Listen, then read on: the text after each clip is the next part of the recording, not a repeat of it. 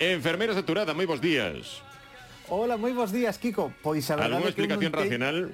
Non teño segredo, non non o sei, non sei se o, o procrear de Julio Iglesias o que o mantén. Pero iso pode axudar. Sei. A mal non vai, non? A mal non vai, claro. eso negativo nunca é. Nunca non, é. a verdade é que eso a mal non vai, pero habería que estudialo, habería que, que pero para poder estudialo habería que ter persoas dispostas a levar a vida que levou Julio Iglesias sí. e facer un estudo e, e logo coller un grupo que leve esa vida, un grupo que non a leve, que se xa o temos porque calqueira de nós, e logo pois facer a comparativa entre un grupo e outro. Un estudo de campo amplo por suposto. Oi, gustuche esta, esta veciña 102 anos, esta muller, que está operada de cadeira e que di que menos mal que se operou porque senón quedaría inútil para toda a súa vida. Esa é a actitude, é ¿Ves? que esa é a actitude, dende logo que sí, sí, sí.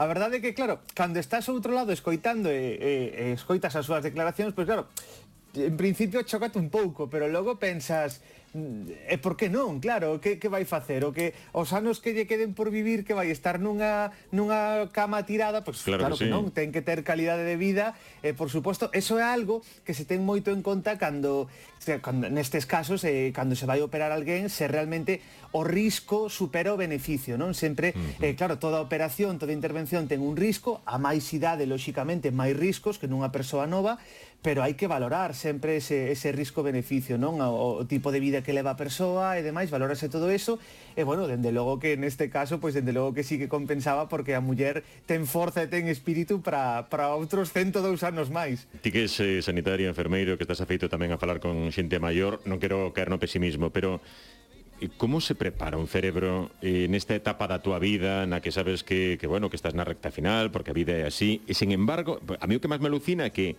claro, eh, si un sabe que lle queda pouco tempo de vida, igual o máis natural sería caer case na depresión, na tristura, no?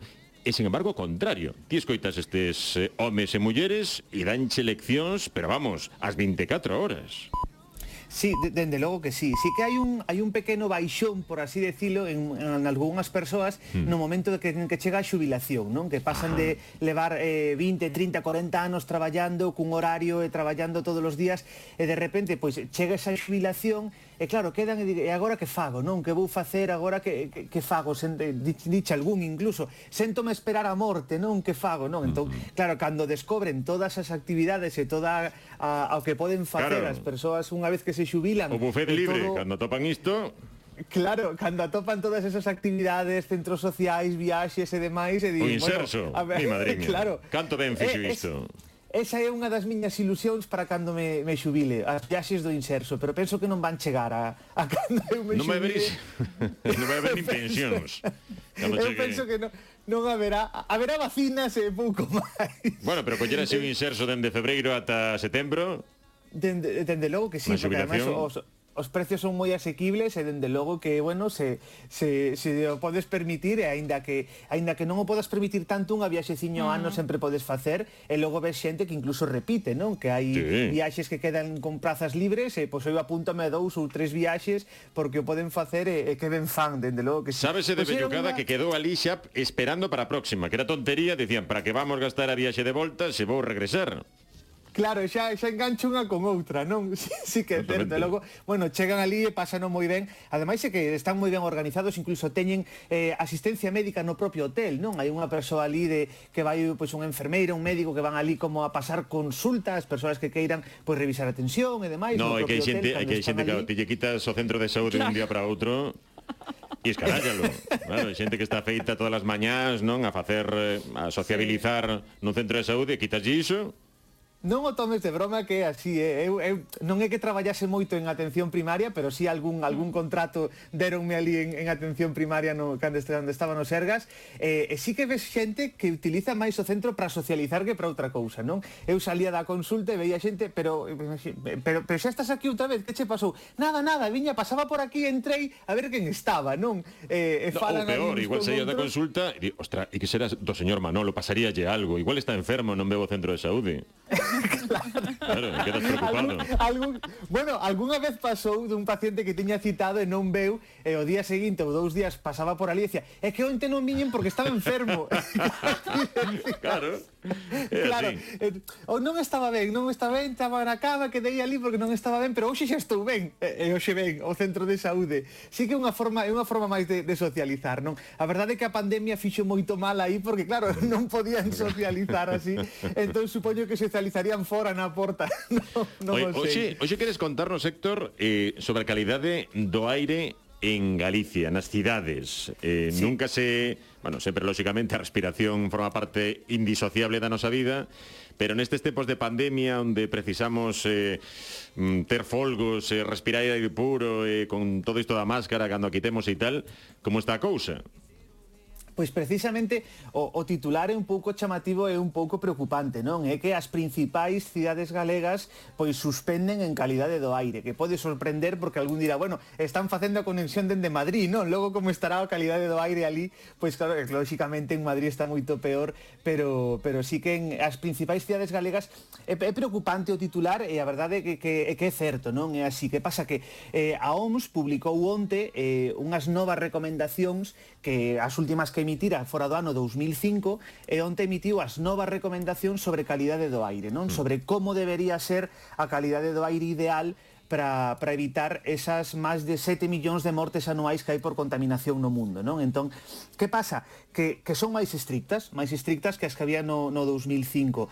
Non é que, en, en realidade, non é que de, de un día para outro ou dun ano para outro empeorase esa calidade do aire, senón que baixaron os límites das recomendacións. Isto é algo así como cando vas facer unha analítica e ti sempre ti veches o colesterol ben e de repente xa echa ali un aviso, xa echa unha estrela na analítica e é porque o, vai, lógica, a, Fundación Española do Corazón baixou un pouquiño eses límites do colesterol e agora xa eh, estás en niveis altos. Pero pois hai datos, algo así. datos en Galicia concretos.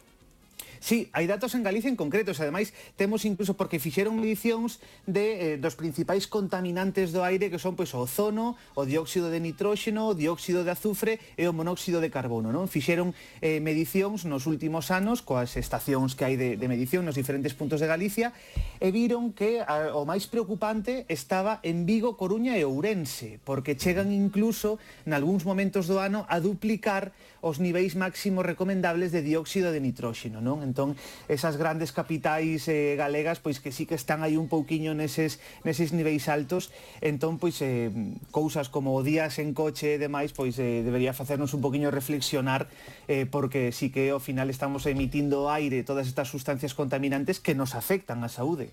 Uh -huh. Bueno, eh, claro, vivir eh, eh, algunha cidade das que acabas de citar, eh, haberá que, polo menos persoas que teñan problemas respiratorios, eh, ter máis precaución. Pero pensamos claro. en cidades enormes, como no caso de Madrid, eh, onde tedes a boina permanentemente, eh, isto eh, é un gravísimo problema para moita xente. Sí, sí, dende logo que sí. A ver, como vemos, pues, estas en concreto, estas cidades galegas son as que chegan incluso a duplicar eses niveis máximos, pero é que non aproba ningunha cidade, incluso nin, nin Lugo, nin Pontevedra, ningunha cidade aproba eh, neses niveis de, de contaminación, non? Pero sí que claro, se algún pensará, se Vigo e Ourense duplican os niveis máximos, como estará Madrid, non? Pois pues, claro, en Madrid chega incluso a, a cuatriplicar e quintuplicar en algúns momentos eses niveis máximos eh, cando chegan pois esas restriccións de tráfico nas que non se pode ir a máis dunha velocidade en concreto pola M30 e, e demais, non? A verdade é que... Ao final eh, o da máscara, de... mira ti, vai resultar positivo tamén para estas cousas, eh? Igual que claro, nos ríamos moito dos chineses, xaponeses e tal, E agora sí, igual implementamos pa... tamén na nosa vida diaria, despois da pandemia, esperemos que pronto, a máscara. Sí, en certo modo a máscara axúdanos a, a filtrar estes contaminantes, non todos, pero si sí, boa parte deles axúdanos a, a filtrar estes contaminantes, pero bueno, ao final cando estamos na casa, pois tamén eh, acabamos respirando eses, eses contaminantes, non? E eh, vemos grandes cidades, grandes capitais mundiais como pode ser Pequín, na que eh, pois é habitual, como dis, levar esa, esa máscara pola rúa por eses altos niveis preocupantes que ao final eh, teñen consecuencias directas eh, na saúde, así que podamos eh, mm, medir a, a curto plazo, por exemplo, eh, as, as mulleres embarazadas, as persoas maiores, as persoas enfermas que teñen outras enfermidades e os nenos son os, os máis afectados, pero ao final pode afectarnos a, a calqueira, non? A curto plazo, bueno, pois eh, dende irritación dos ollos, irritación das mucosas, dor de cabeza, fatiga, eh, incluso reduce a esa función pulmonar, capacidade pulmonar vese reducida tamén, e a longo prazo, pois, asma infantil, neumonía, incluso, incluso é curioso, pero está demostrado tamén que hai un aumento aumento dos nacementos eh, de nenos prematuros tamén por, mm. por mor desta contaminación ambiental, non?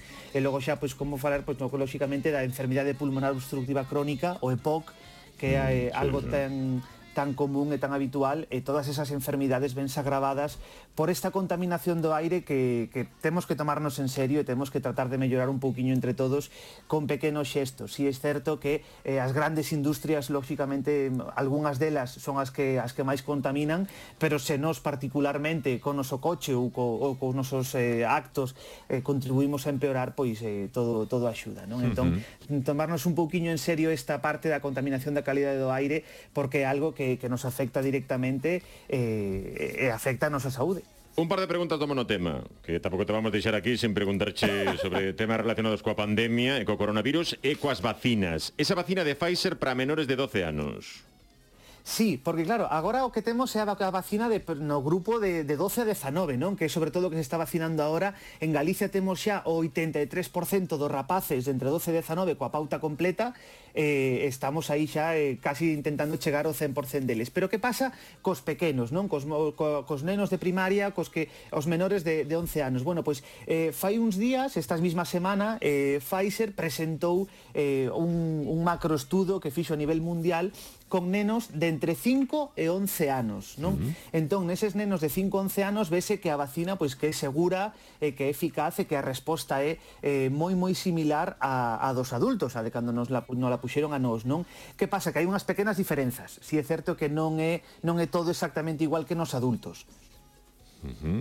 E cales Por... son esas diferenzas, sobre todo? Claro, Por exemplo, sí que serían eh, dous pinchazos, eso exactamente igual, separados máis ou menos 21 días, pero cambia a 12. A 12 é algo que, que a nivel interno noso sí que cambia, a nivel da cidadanía non, non hai diferencia ninguna, serón que ir ali dúas veces a poñer a vacina, pero eh, a dosi de adultos leva 30, mic 30 microgramos de, de, de vacina e a, de, a dos nenos leva menos, leva 10 microgramos de vacina, porque lóxicamente pois nos nenos hai que hai que adaptar a dose, non? Entón, eh, simplemente sería cambiar un pouquiño a dose, pero, eh, como digo, digo, eh, según ese estudo de Pfizer, pois é segura e eh, eficaz. Eh, cando chegará a Galicia, uh -huh. cando poderemos ir poñela? Pois, a ver, máis ou menos, eh, calculan que a Xencia Europea do Medicamento podería aprobar o seu uso a finais de outubro. Ou seja, que eu calculo que máis ou menos a, a primeiros de novembro, porque isto xa sabemos que vai rapidísimo, unha vez que a EMA o, o a proba en cuestión de, de horas ou días, como vimos nos, no caso dos adultos, xa se pon en marcha esa vacinación en nese grupo de idade, así que é moi probable que a final a principios de novembro eh, esteamos vacinando da gripe, eh, da ter, de algunha terceira dose que quede por aí, uh -huh. eh, os nenos de entre 5 e 11 anos. E para os menores, os de menos de, de 4, mm, chegará un momento no que teñamos tamén vacinas Pois é moi probable que sí, o que pasa é que terán que esperar un pouquiño máis porque Pfizer neste momento está Vaya, todavía... Vaya, pero despois cumpren eh... cinco xa non lles vale. Ten que ser agora. claro, está nun grupo, está facendo os ensaios nun grupo que que vai aí entre os seis meses de idade e os 4 anos, non? Entón entran aí probando e todavía non sabemos, calculan que para finais de ano terán os resultados, eh contarémolo lóxicamente aquí na Radio Galega, pero de momento os os, de, os, os menores de 5 anos teño momento van ter van ter que esperar todavía un pouquiño máis. Imos poñer algo de música, veña que ti tes bo gusto sempre. Pois podemos poñer un tema de, de Lala Love You Que é un grupo que ademais que anunciaron onte para as festas do San Froilán ai, ai. Eh, e tentarei estar aí o tema El fin del mundo Igual non hai barracas, este... eh? Penso que non Te digo que tiñas aí rapidamente pro Soltón Sí, está complicado. Eu quería que ir ali mover o, mover o, o polvo despois de ir cenar e logo mover o, o polvo ali no San Froilán, no, no Saltón e demais, pero penso que vai estar complicado. Polo menos concertos sí que parece que vamos ter. Este tema, El fin del mundo, de Lala Lovio. Coídate moito, Héctor. A unha aperta.